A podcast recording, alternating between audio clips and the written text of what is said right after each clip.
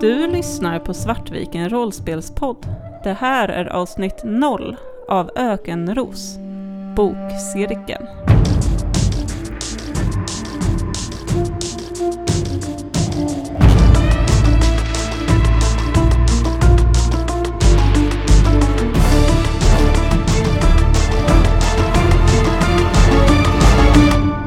Idag ska vi spela rollspelet Ökenros.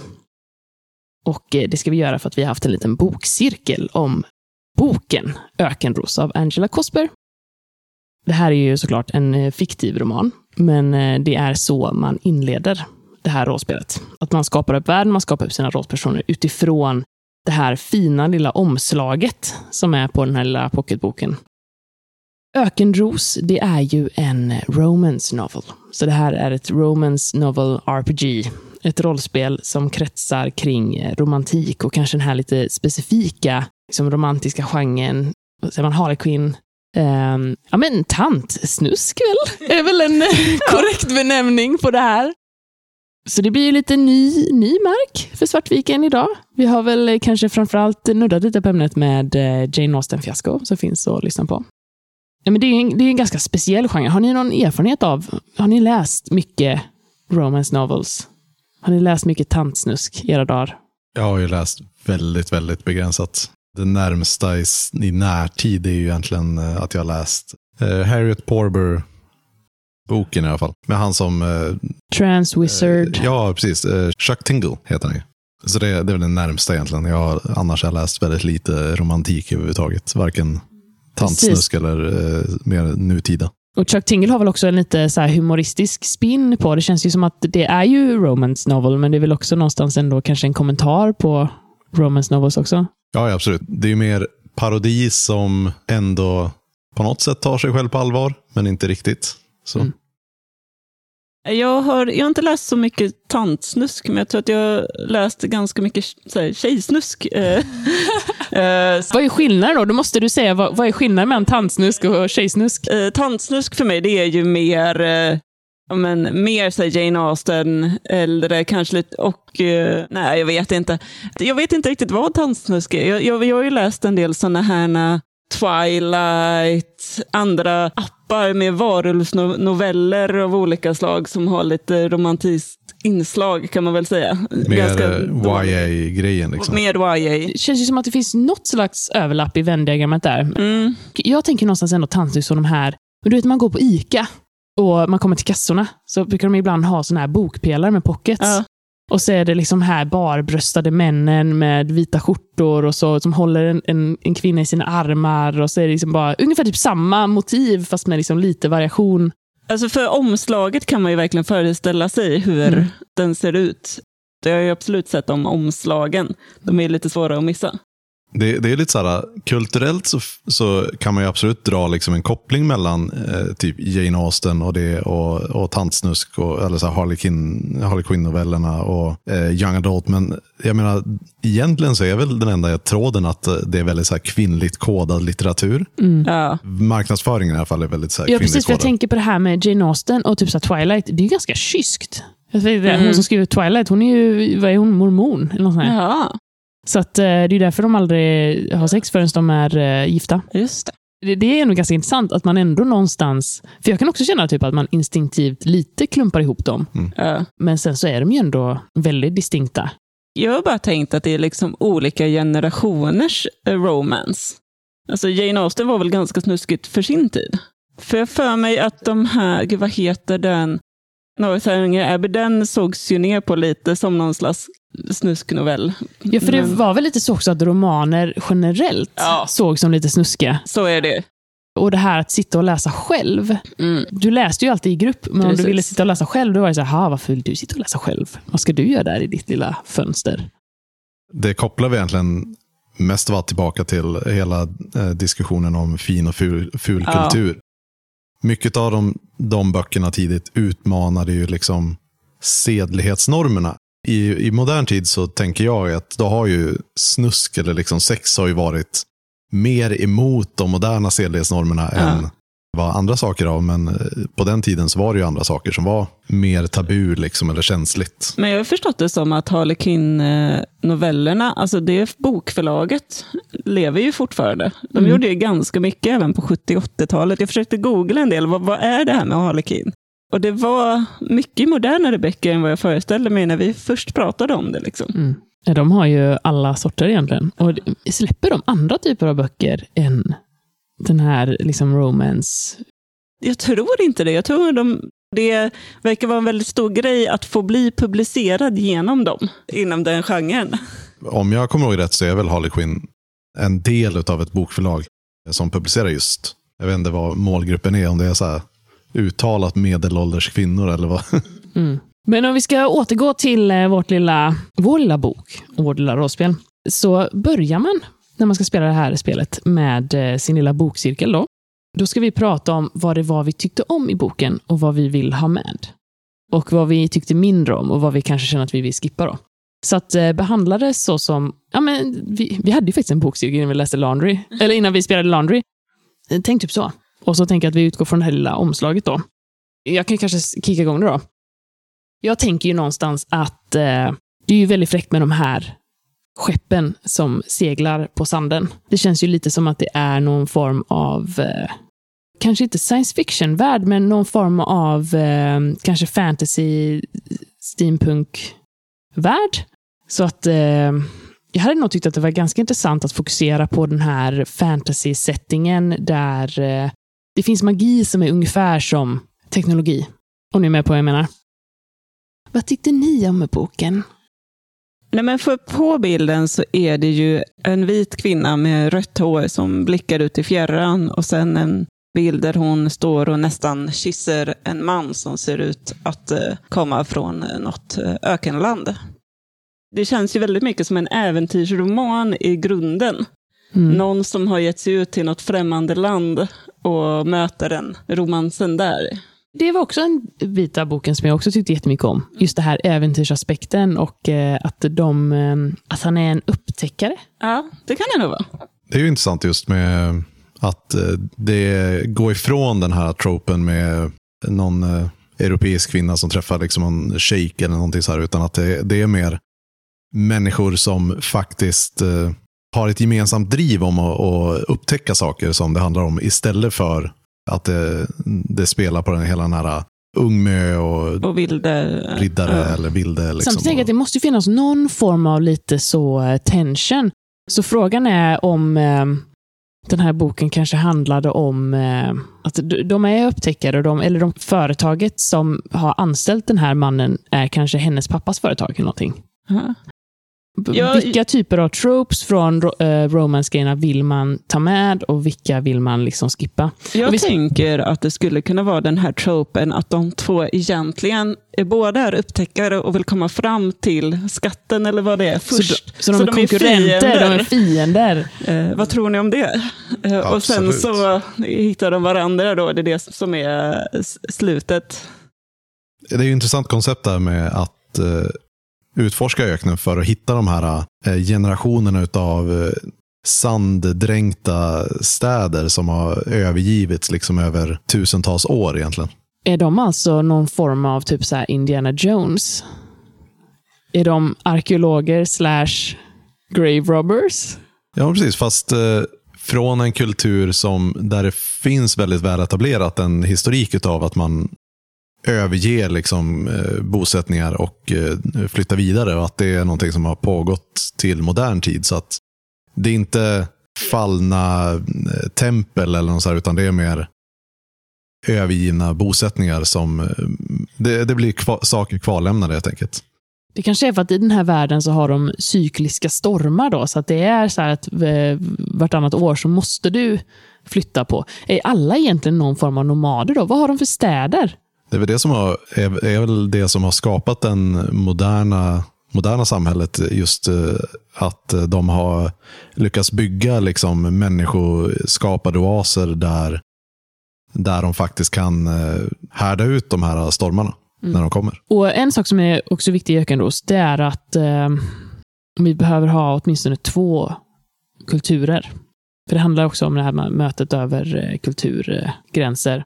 Så det känns som att vi har ju en då som är de här lite mer teknologiska städerna. Vilka är de andra då? Finns det någon form av lite mindre teknologiskt som, som kanske vill försöka bevara en, en äldre way of life? Ja, men det tänker jag. Det skulle vara kul. Det finns de som eh, ser ett kulturellt värde i att, eh, ja, men att inte låsa in sig i städerna utan att uh, lära sig att rida på sandstormar. Liksom. Så då har vi egentligen de här teknologiska stadsborna då, och sen så typ nomader. Vi borde även kanske prata lite om då vad som kännetecknar de olika kulturerna då. Vad de är bra på, har de några speciella sedvänjor som kan bli intressanta i berättelsen? Går det att se på någon vilken kultur de kommer ifrån? Om de här stadsborna förlitar sig ganska mycket på sin teknologi, vad har nomaderna för skydd då? Är det mer kläder eller är det att de faktiskt utseendemässigt har förändrats av de här stormarna som de lever i? Det är mycket så här, eh, att föra vidare den eh, generationella kunskapen om eh, hur man förflyttar sig. Jag tänker att de här nomaderna har ju lärt sig vart det finns naturliga skydd mm. som är lättare att flytta sig emellan. Eller att de har hittat någon slags gångar som de kan röra sig mellan. Antingen att de är mer solutsatta eller mindre solutsatta än stadsborna. Det är ju lite som i Dune.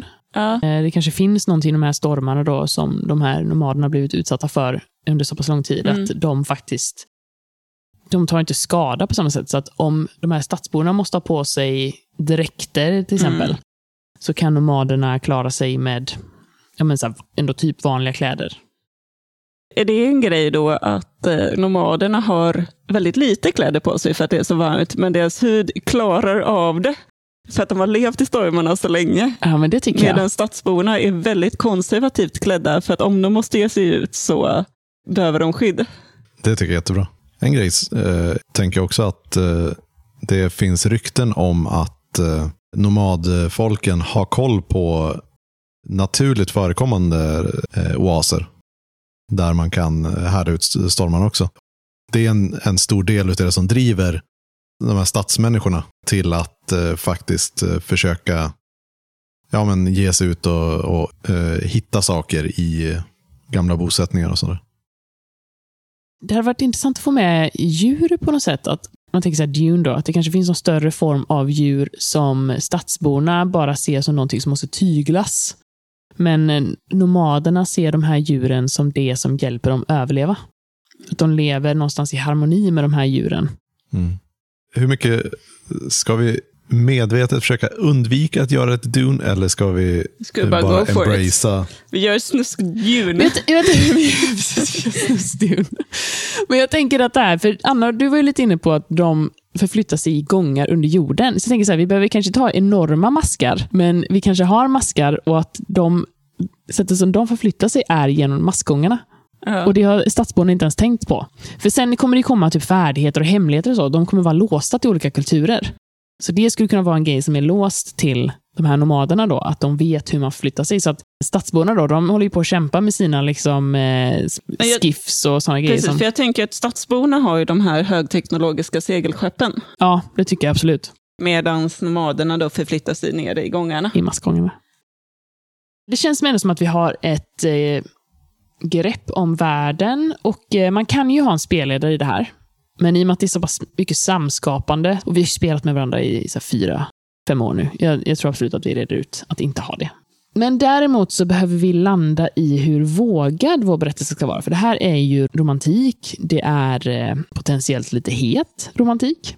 Och då finns det lite olika exempel då på nivåer. Och den första är eh, kysk. Den kännetecknas av en kyss i slutet på berättelsen som får markera huvudpersonernas förening. Söt. En kyss lite tidigare. Eller huvudpersonernas förening går lite längre än bara en kyss. Medel. Upp till vågad beröring. Eventuellt antyds det att huvudpersonerna går längre än så, men i så fall förmodligen bakom stängda dörrar. Det ges begränsat utrymme i historien, som en mindre del av en större scen. Vågad. Inga detaljer undanhålls, kroppsdelar beskrivs. Det ges större utrymme i historien. Och sen så sista är då het. Flera partners, avancerade tekniker. Det ges stort utrymme i spelet. Det känns väl som att kanske medel? Medel till eh, vågad, men medel känns det som är mest bekväm med. Ska man sitta och beskriva? Jag tror inte vi klarar mer än medel faktiskt. Nej. Jag tänker medel är nog bra och lyckas förfina att vi kan göra det innan vi försöker Mm. oss på någonting mer avancerat än så. Så det är bakom slöjan. Ja, liksom, precis. Bakom slöjan. Vilket är en råspelsterm. Som innebär att eh, man säger att rollpersonerna går in bakom någon dörr eller så. Och sen så nästa scen så bara beskriver man hur de kommer ut därifrån och ser tilltufsade ut. Så lite fade to black Eh, egentligen. va? precis, så implicit så säger man vad de har gjort, men man måste inte beskriva det i detalj. Då ska vi skapa lite rollpersoner då. Vi ska ju alla ha en rollperson. Man kan också ha flera. Det finns lite olika koncept då. Och absolut minimum är att eh, hjältinnan ska figurera och en hjälte. Men man kan också ha flera hjältar, så lite triangeldrama. Man kan också ha hjältinnans mentor, hjältinnans kompanjon, hjältens kompanjon och sen så bifigurer. Då. Så är det någon som känner sig extra manad att spela hjältinnan eller hjälten? Det hade ju varit lite kul om vi hade två hjältar och en hjältinna i och med att vi är tre som spelar idag. Jag tycker att det vore lite kul att köra ett triangeldrama i alla fall. Mm. Jag håller med. Vad känner du, Christer? Som den som jag tror har minst koll på tropesen och sådär, vilket bevisades i eh, Jane Austen. Jane Austen, så är jag väl kanske mest frestad att i så fall spela hjältinnan. Det hade ju varit väldigt kul faktiskt. Ja. Och så jag och Anna som slåss över dig. Ja, Jag är för det. Jag är för, för hjältinnan ska ju också oftast vara lite ovetande. Mm. Det är en, en trope i det. Ja, men lite så. Oftast så beskrivs hon som väldigt kompetent, men sen så är hon bara inte det. Nej. Sen finns det väl vissa, det finns ju alltid undantag nu. Mm. Då har vi hjältinnan och så två hjältar. Då bör ju du och jag vara från olika kulturer, Anna. Mm. Jag känner ju någonstans lite att, att Christer och eh, kanske jag borde vara från staden. Och så är du från eh, nomaderna. Men är det så då att eh, det är den här klassiska historien att ni har trott att ni ska liksom vara the tror var thing? det. Typ.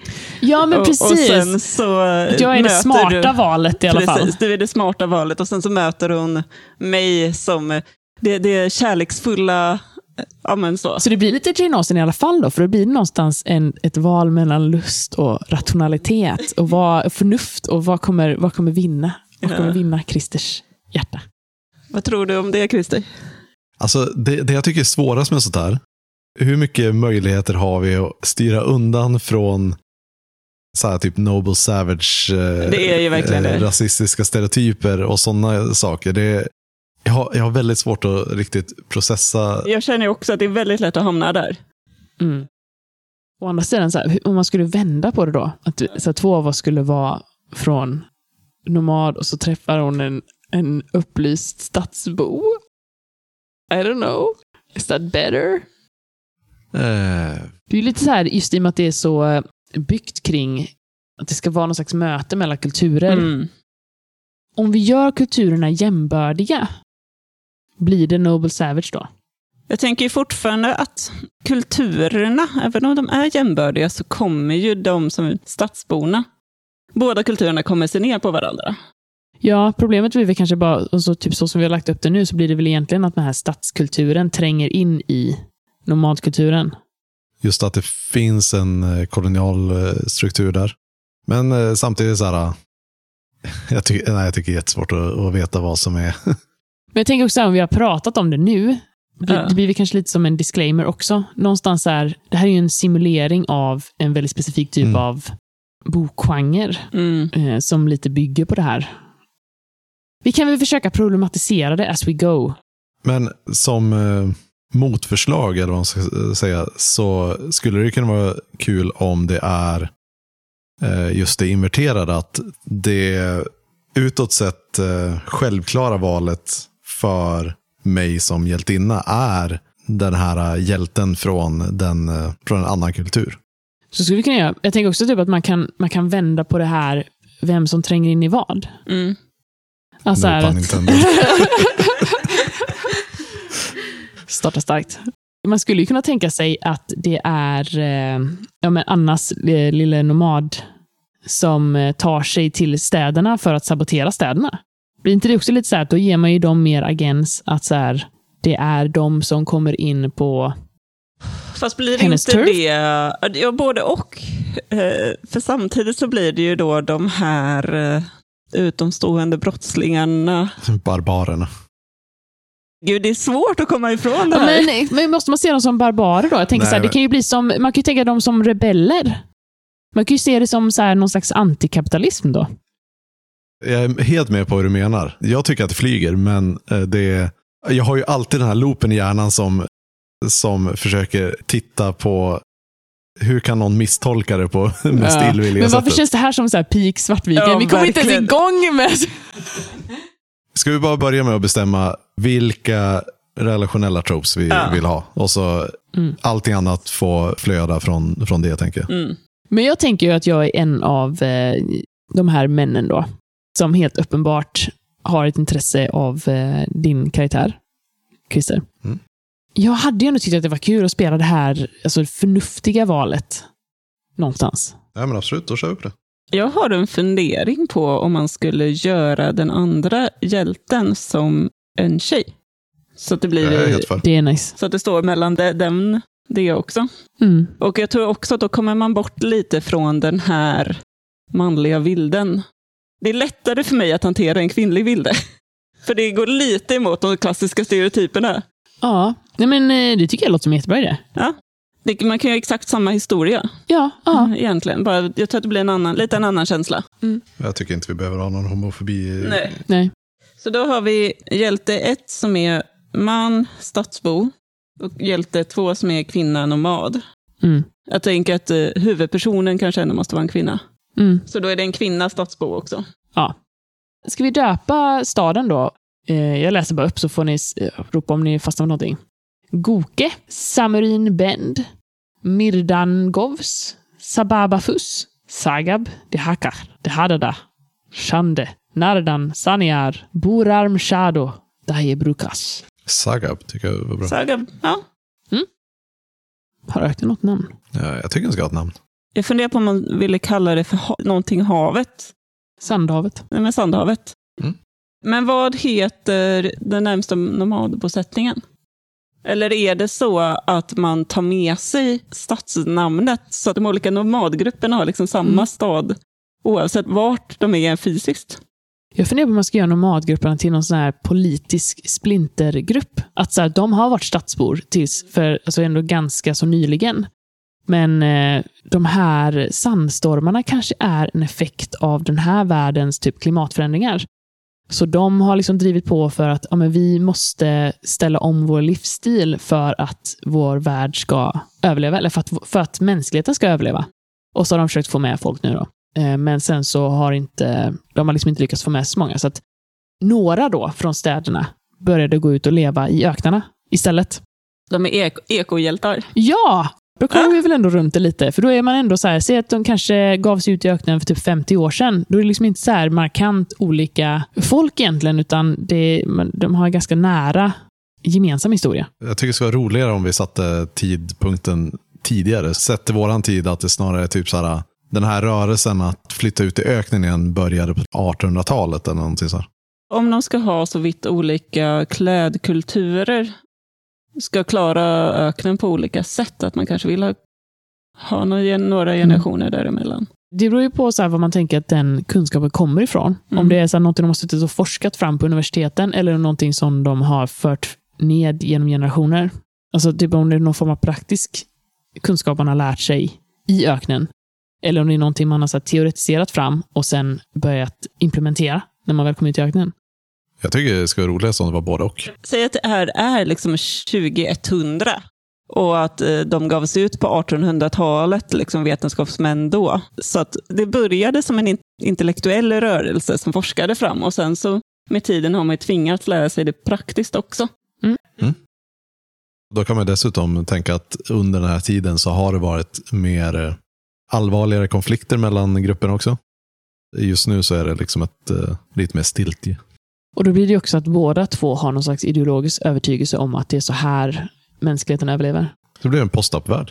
Ja, det, det blir det. Men eh, skulle vi ha liksom något eh, namn för de här bosättningarna då? Finns eh, Shanararu, Dolaha, Lananda. Dolaha tycker jag var bra. Mm. Ska vi säga att alla nomadbosättningar brukar kallas... eh, Ja, men jag tycker att man kanske kallar själva folket för det då. Eller så Mm. rörelsen. Ja. Att man tillhör Dolaha. Medan Sagab kanske bara är en av de här stora kupolstäderna då. Som rör sig runt. Rör de sig runt? Det gör de va? Jag, jag får... Nu gör de det. Kupolstäderna. De bara flyger. Ja! Kul! Då ska vi ha namn för kvinnor. Eh, men ni kanske vill kika på det här själv sen. Tänker jag näst. Ja, men jag tror att jag vet någon. Roshaha. Roshaha. Vad heter du då, Christer? Elnaha. Du heter ni båda Elnaha och Roshaha. Jag kan ta och byta namn till bara Elna. Tack. Okej, vad ska jag heta då? Marashir är ganska coolt. Marashir. Marashir. Mhm. Ja, det var fint. Nu ska vi fördela 10 poäng över tre källor. Varje rollperson har tre källor. Kraft, instinkt och förnuft. Och eh, de är reserver från vilka rollpersonerna tillfälligt kan dra kraft. Och det vill säga då, man kan få en extra tärning, har jag tolkat det som. Och då ska vi fördela 10 poäng över de här tre källorna. Och ingen källa får bli lägre än 1 eller högre än 7. Och den första källan, det är kraft. Källan kraft representerar rollpersonernas reserver av fysisk kraft och mental härdighet. Personer med hög kraft har ofta svällande muskler, ärrade ansikten och valkiga händer. Sen har vi instinkt. Och det representerar eh, djuriska krafter, både fysiska och psykiska. Så personer med hög instinkt rör sig ofta graciöst, har genomträngande blick, god hörsel och slående utseende. Kattlika reflexer eller djurisk dragningskraft. Sen det sista är ju då förnuft då. Och det representerar någon form av intellektuell förmåga och psykologisk kraft. Så om man har högt i förnuft då, det är så här, du har stort ordförråd, allmänbildad, kunskap om djur och växter, framgång i hasardspel och inflytande över andra. Jag tänker någonstans att jag ska ha ganska högt i förnuft, men ganska lågt i instinkt. Mm. Och jag tänker att jag ska ha väldigt högt i instinkt, men lågt i förnuft. Ska jag ha högt i kraft då helt enkelt? Det kommer nog ha medelhögt i kraft också. Ja, Jag tog ju nu så att jag har fem i förnuft, en i instinkt och tre i kraft. Jag har fyra i kraft, fem i instinkt och ett i förnuft. Och jag kör eh, fem i förnuft. Men kanske mer faktiskt. Ta sex i förnuft. Tre i instinkt och ett i kraft. Så ni, ni är väldigt förnuftiga båda två helt enkelt. Vi kommer ju lite från samma bakgrund, tänker jag. Ja. Sen har vi då lite förmågor och färdigheter då. Och eh, varje förmåga är kopplad till en källa, från vilket det går att dra extra styrka när förmågan används. Det finns allmänna förmågor som alla vanliga har tillgång till oavsett vilken kultur de kommer ifrån, som går att använda även om de står nedskrivna på rollformulären, typ klättra, köpslå. Sen finns det slutna förmågor då, som bara är tillgängliga för de som uppfyller specifika krav, då, till exempel vilken kultur de kommer ifrån. Så till exempel att styra ett sandskepp Mm. skulle potentiellt bara jag och Christer kunna göra. Och att navigera ett maskhål. Det skulle bara du kunna göra. Och eh, de här förmågorna då, de går från 0 till 4, vilket motsvarar otränad, kompetent, skicklig mästare, stormästare. Varje rollperson börjar med spel med en förmåga på 2 och tre stycken på en. För mig, jag tänkte att navigera maskhål kommer ligga i den här instinkten, att jag, jag känner liksom på jorden vart saker och ting är, mer än att jag vet vart de är, för de kan ju flytta på sig. Mm. Så därför så ligger den kopplat till eh, instinkt och reagera. Mm. Och sen ska man då hitta på tre till förmågor. Ja, precis. Man har en förmåga på två, som man är skicklig på. Då. Och sen har man tre stycken på en. En på två. En på två, tre på en. Det jag tänker är att eh, Elna har någon form av specialisering på arkeologi. Liksom. Jag har ju överlevnad, ökenöverlevnad egentligen, som en förmåga också. Någonting om djur kanske, men det kanske också är instinkt. Jag tänker att min är någon liten så här meteorolog-snubbe. Men eh, nej, eller ska det vara typ en handels... entreprenör. Du har pengar som, Ja, som nej, en men alltså, förmåga. ja, jag tror nog det. Att jag är rik. Vilket öppnar dörrar. Ja. En av mina nivå 1-förmågor vill jag ska vara typ mekanisk kunskap. För att typ kunna reparera den här tekniken. Mm. Och jag vill gärna lägga den på instinkt av Mm. oklara anledningar. Men det är väl ganska bra. Ja. Du har ju aldrig riktigt kunnat förklara det, men du har en känsla för tekniken. Mm. Det jag har lärt mig lärde mig så pass ung att det, det är mer en instinktiv förståelse för hur saker funkar än Ja, också så här att i hela ditt liv så har eh, folk inom omgivningen talat om för dig att man lär sig saker på ett visst sätt. Men sen så finns det en annan värld där ute. Jag skrev upp eh, sandkunskap på ett. Att jag ändå så här har någon form av teoretisk kunskap om Mm. de här sandstormarna. Ja, för jag funderar ju också på att ha någon sån kulturell... Jag har ju någon slags kunskap om de nomadiska folken och historiken här ute på ett annat sätt än vad ni har. Eh, Däremot har jag redan skrivit upp djurvän eh, som någon slags förmåga. Eftersom min kultur lever i samförstånd med djuren. Men någon slags nomadkunskap då. Mm. Och det kanske ligger under förnuft. Jag la in styra sandskepp Ja. på en under kraft också. Jag la in eh, navigera sandskepp eh, under förnuft. Det känns som att vi vet vad vi sysslar med. Lite olika perspektiv på det. Så. Jag kanske faktiskt ska ha strid som en grej också, egentligen. Jag tror att jag ska ha historisk kunskap om konflikten Ah. i förnuft. Jag har ökenöverlevnad och det är i den tänker jag att mina maskhål finns som en del i. Och så har jag ett i strid, ett i djurvän och ett i nomadhistoria. Då. Är alla färdiga med sina färdigheter? För då ska vi också ha i de tre försvarsförmågorna. De används bara för att göra motstånd när andra försöker påverka en. Då. Och då finns det uthärda, det är ett försvar för kraft. Reagera, försvar för instinkt och motstå, försvar för förnuft. Instinkt då, det är att man liksom reagerar snabbt, snabba reflexer. Motstå är ju eh, motstå någon form av eh, övertalning, psykisk påverkan. Och kraft är ju då smärta, utmattning, allt sånt där. Och eh, man har 2, 1 och 0. Så man får sätta ut hur man vill. Jag funderar på om jag ska ha typ prickskytte under kraft. Coolt. Ingen stridserfarenhet utan bara så här, typ led över skick- skytte ungefär. Ja. Sen ska vi också ha hemligheter då. Och det är speciella förmågor. Ibland till och med magiska. Hemligheter fungerar som så att eh, antingen så kan du få en permanent bonustärning inom ett andningsområde som en specialisering. Eller så är hemligheten ett föremål som ger permanent bonus på skada då, eller skydd. Och skada och skydd är inte bara fysisk skada, utan det kan även vara att du underminerar någons självförtroende eller att du lyckas förföra någon. Eller så här. Det är bara allmänna generella termer. Hemligheten ger en permanent tillgång till en enklare ovanlig förmåga, Eh, som dock kan kräva färdighetsdrag för att kunna användas. Hemligheten låter då personen spendera en tärning från en källa för att kunna använda färdigheten på ett ovanligt sätt. Så att kanske använda instinkt för att göra något kraftgrej då. Hemligheten låter då personen spendera två eller tre tärningar från en källa för att kunna använda färdighet på ett övernaturligt eller mäktigt sätt. Så momentum, typ, I guess. Hemligheten låter då personen lägga ett obegränsat antal tärningar från en källa för att få någon sorts skalbar effekt. Om denna effekt är kraftfull eller mycket ovanlig kan det också krävas extra tärningar. Skulle vi ta en hemlighet? En hemlighet ska vi börja med. Och eh, de representerar då skyddad kunskap, som inte alla har tillgång till. Då. Här finns det lite exempel på hemligheter. Jag ska läsa dem. Det finns fäktmästarens hemlighet. Du är en fäktmästare och kan dra hur många tärningar du vill ur din källa när du slåss med din sabel. Hästviskarens hemlighet. Att säga att du kan tala med hästar är att överdriva, men du förstår den bättre än de flesta och de förstår dig. Stormseglarens hemlighet. Du har ett speciellt band till öknen och får alltid en bonustärning när du seglar i sandstormar.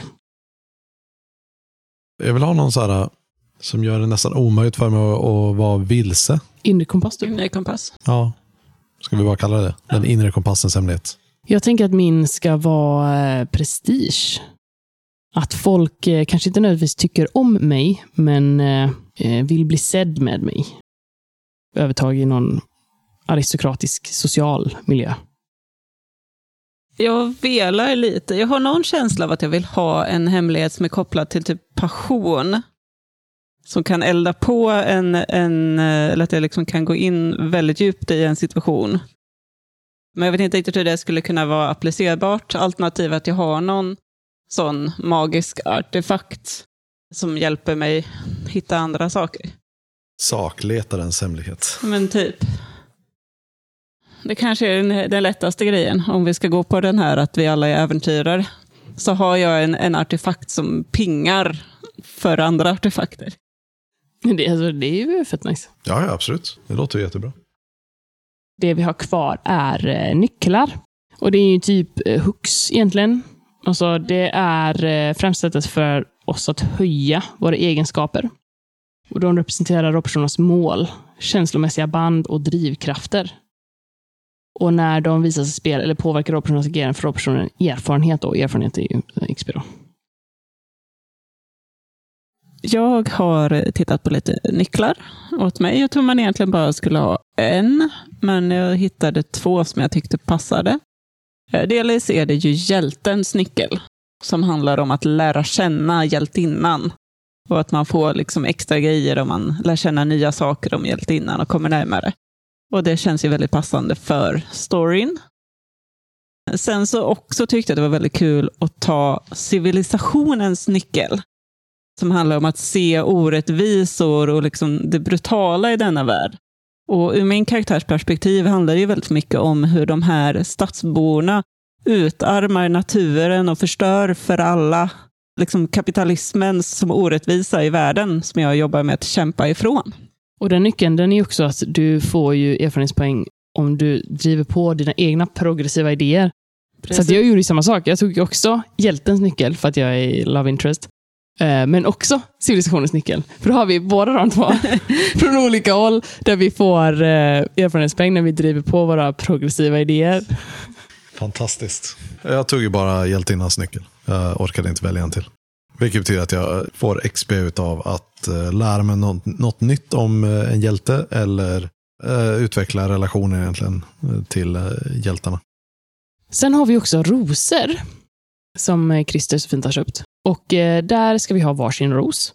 Och de är ju ungefär som små fate points, I guess. Du, kan, du delar ut dem till folk som du tänker behöver dem.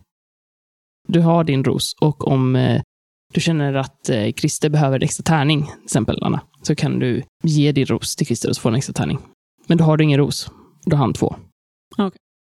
Ja, sen är det egentligen bara att eh, vi kommer spela i, kapitel eh, istället för scener då. Och eh, vi kommer på alla tre egentligen börja med varsin liten så här, prologkapitel. Jag tänkte föreslå en struktur för er. Och så tänker jag att man kör lite som i fiasko, att vi sätter scener i eh, förväg. Som kapitel då. Att man eh, spelar sin rollperson och den är med i scenen. Om inte så tar man någon form av bifigur. Jag hade tyckt det var nice om vi började i den här kupolstaden Sagab. På en eh, ganska så fancy aristokratmiddag. Och det jag tänker mig är att du och jag, Christer, ska vi se, Marashir och eh, Elna, vi ska jobba på samma skepp. Och det kanske är första uppdraget för dig eller för mig. Kanske för dig i och med att det är du som är protagonisten. Det skeppet ägs av min pappa, som är en så här stor, rik affärsmagnat. Hur känner du inför det? Absolut. Så jag tänker att det här är typ så här precis innan eh, de har börjat preppa det här skeppet och vi ska ge oss av imorgon, kanske. Vad är syftet med resan? Det man gör ute är väl att man hittar artefakter. Mm? Är det någon särskild artefakt som ni är ute efter nu? Tänker det skulle vara roligt så. Ja, Mm. att ni har fått upp ett spår på någonting som ni nu ska åka iväg och eh, hitta. Mm. Och jag tänker ju, jag har fått lite vibben av att jag är lite mer av en navigatör och du är lite mer av en sån som faktiskt styr skeppet. Ja, alltså jag har nog tänkt att Elna är mer, inte så nödvändigtvis mycket för att styra skeppet, men hon har absolut eh, kompetensen för det. Jag insåg nog att jag hade styra sandskepp som, som färdighet. Så att jag, jag, men- jag, jag, det var nog kanske tvärtom. Ja, precis. Det är jag som har navigerat Sandskeppet. Men eh, tvärtom då, så att jag kör Och du är vår nya navigator då. Jag tänker att eh, Elnas specialisering är ju egentligen arkeologin. Hela den biten. Men däremot så, så har, har jag basic eh, skills som navigatör så att eh, jag kan ju absolut vara dubbelroll på skeppet. Så. Det känns ju som att det borde vara en officiell befattning på den här typen av skepp. Arkeolog. Arkeolog.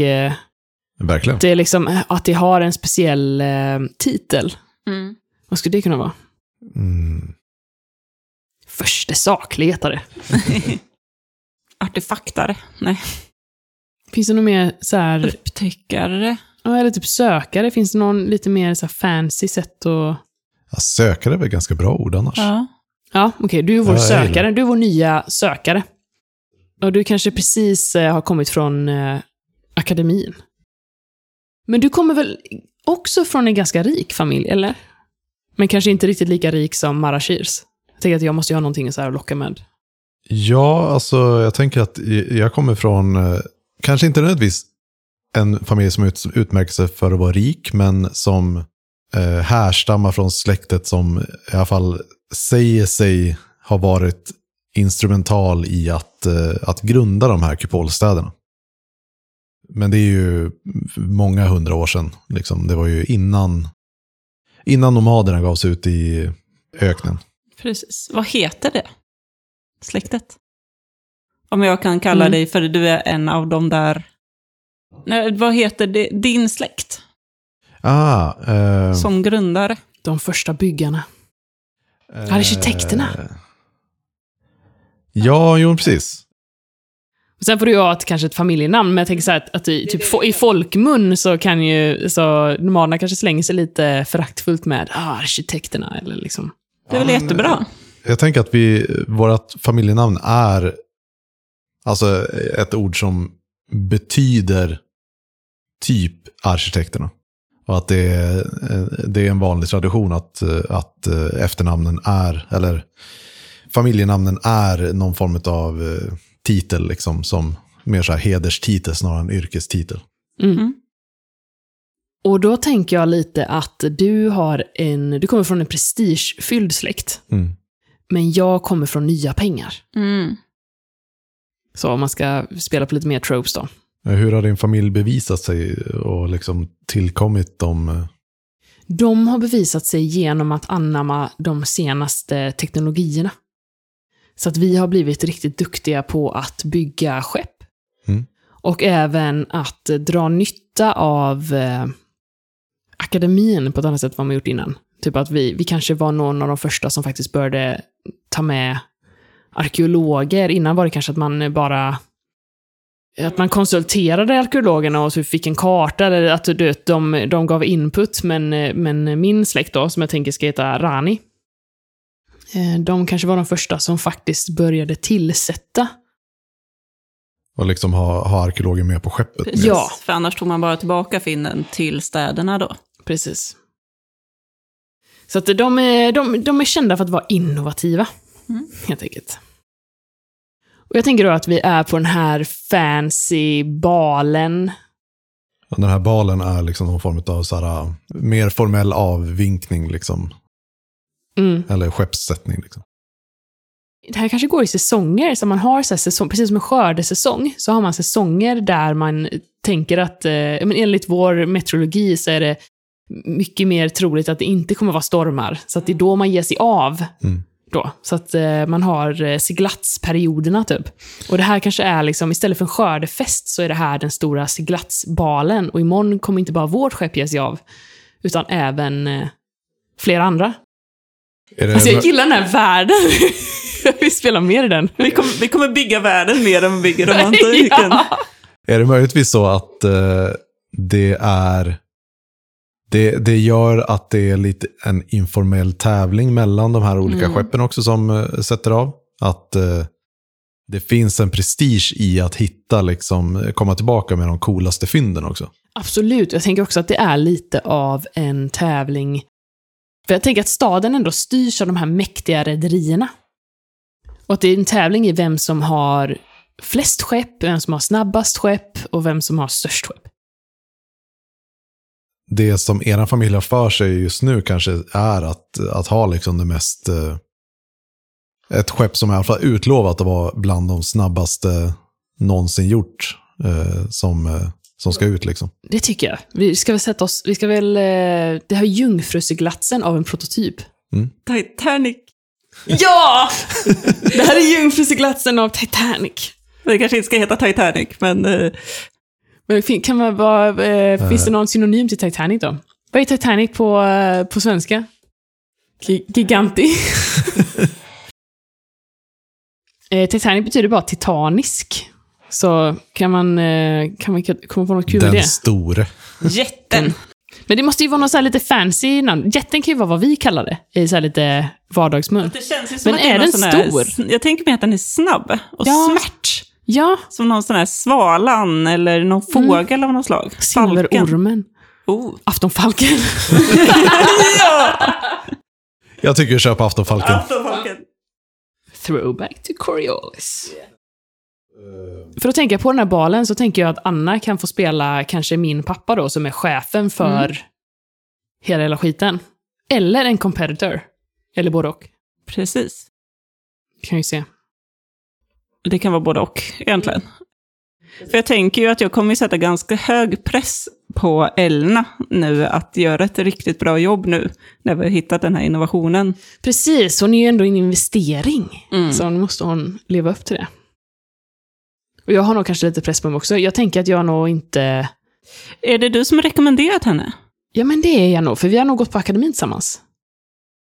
Ja, nej, precis. Precis, och jag har nog alltid varit, vi har liksom försökt imponera på dig och varit lite kär i dig. Mm. Och jag tycker att du är ganska odräglig, bortskämd. eh, Snorvalp. Eh, ja. Men jag tänker att anledningen till att Elna faktiskt har hamnat i den positionen att, att eh, nu ska vara arkeolog på, på det här väldigt prestigefyllda skeppet är att eh, den ursprungligen tilltänkta väldigt välrenommerade arkeologen var med om en olycka och eh, kunde inte längre eh, åka ut. Så och då därför- har jag pitchat in Ja, dig Mm. till pappa. Vad heter pappan? Ska vi plocka ett namn? Mm, det tycker jag. Ska vi plocka en namn och så plocka ett namn till en rival också? Ja.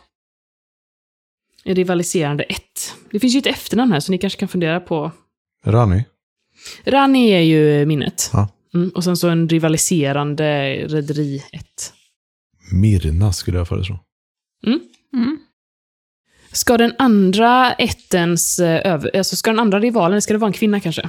Mm. Så Ja. inte bara massa män. Det finns Sarana, Sharaye, Afehara, Shanami, Avara. Shanami. Shanami Mirna. Mm, Eh, kanske och uh, Marash, Marashirs pappa då? Vad heter min fader? Eh, Vi säger någonting på A för utav oklar anledning. Ardadan. Ardalan blir jättebra. Vi kommer, vi kommer bara skratta varje gång vi säger det. Men Aram? Aram. Aram funkar? Det funkar skitbra. Aram Rani. Och det är han som är överhuvud för den här familjen som eh, bygger. Precis, jag känner att eh, rivalen där, eh, Shanami, hon är nog egentligen inte överhuvudet, utan hon Nej, är nog kanske... Jämngammal tänker jag. Ja, hon är jämngammal och gått akademi med oss Mm. som pilot då, så att hon Ah. är den andra piloten. på vårt skepp.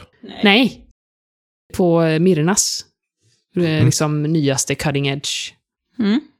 Okej, men ska vi sätta scenen då? Nej, det, vi ska ha prologer. Ja, det ska vi ha. Mhm. Ska vi börja med hjältinnan då? Det låter väl bra. Eller känner du att du, har du någonting som du...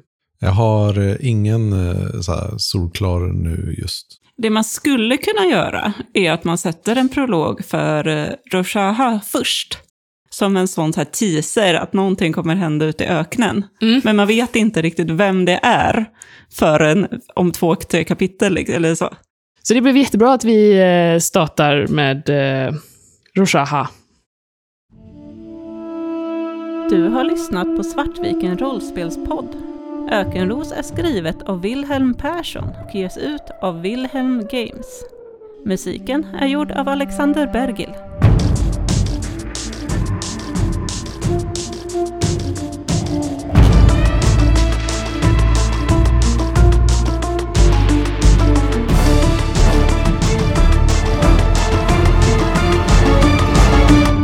Följ oss gärna på Facebook och Instagram samt backa oss på Patreon på patreon.com svartvikenrp. Där kan ni få höra mer om vårt eh, samskapande i bland annat det här äventyret och andra oklippta avsnitt där ni får lära känna oss lite mer bakom den klippta versionen.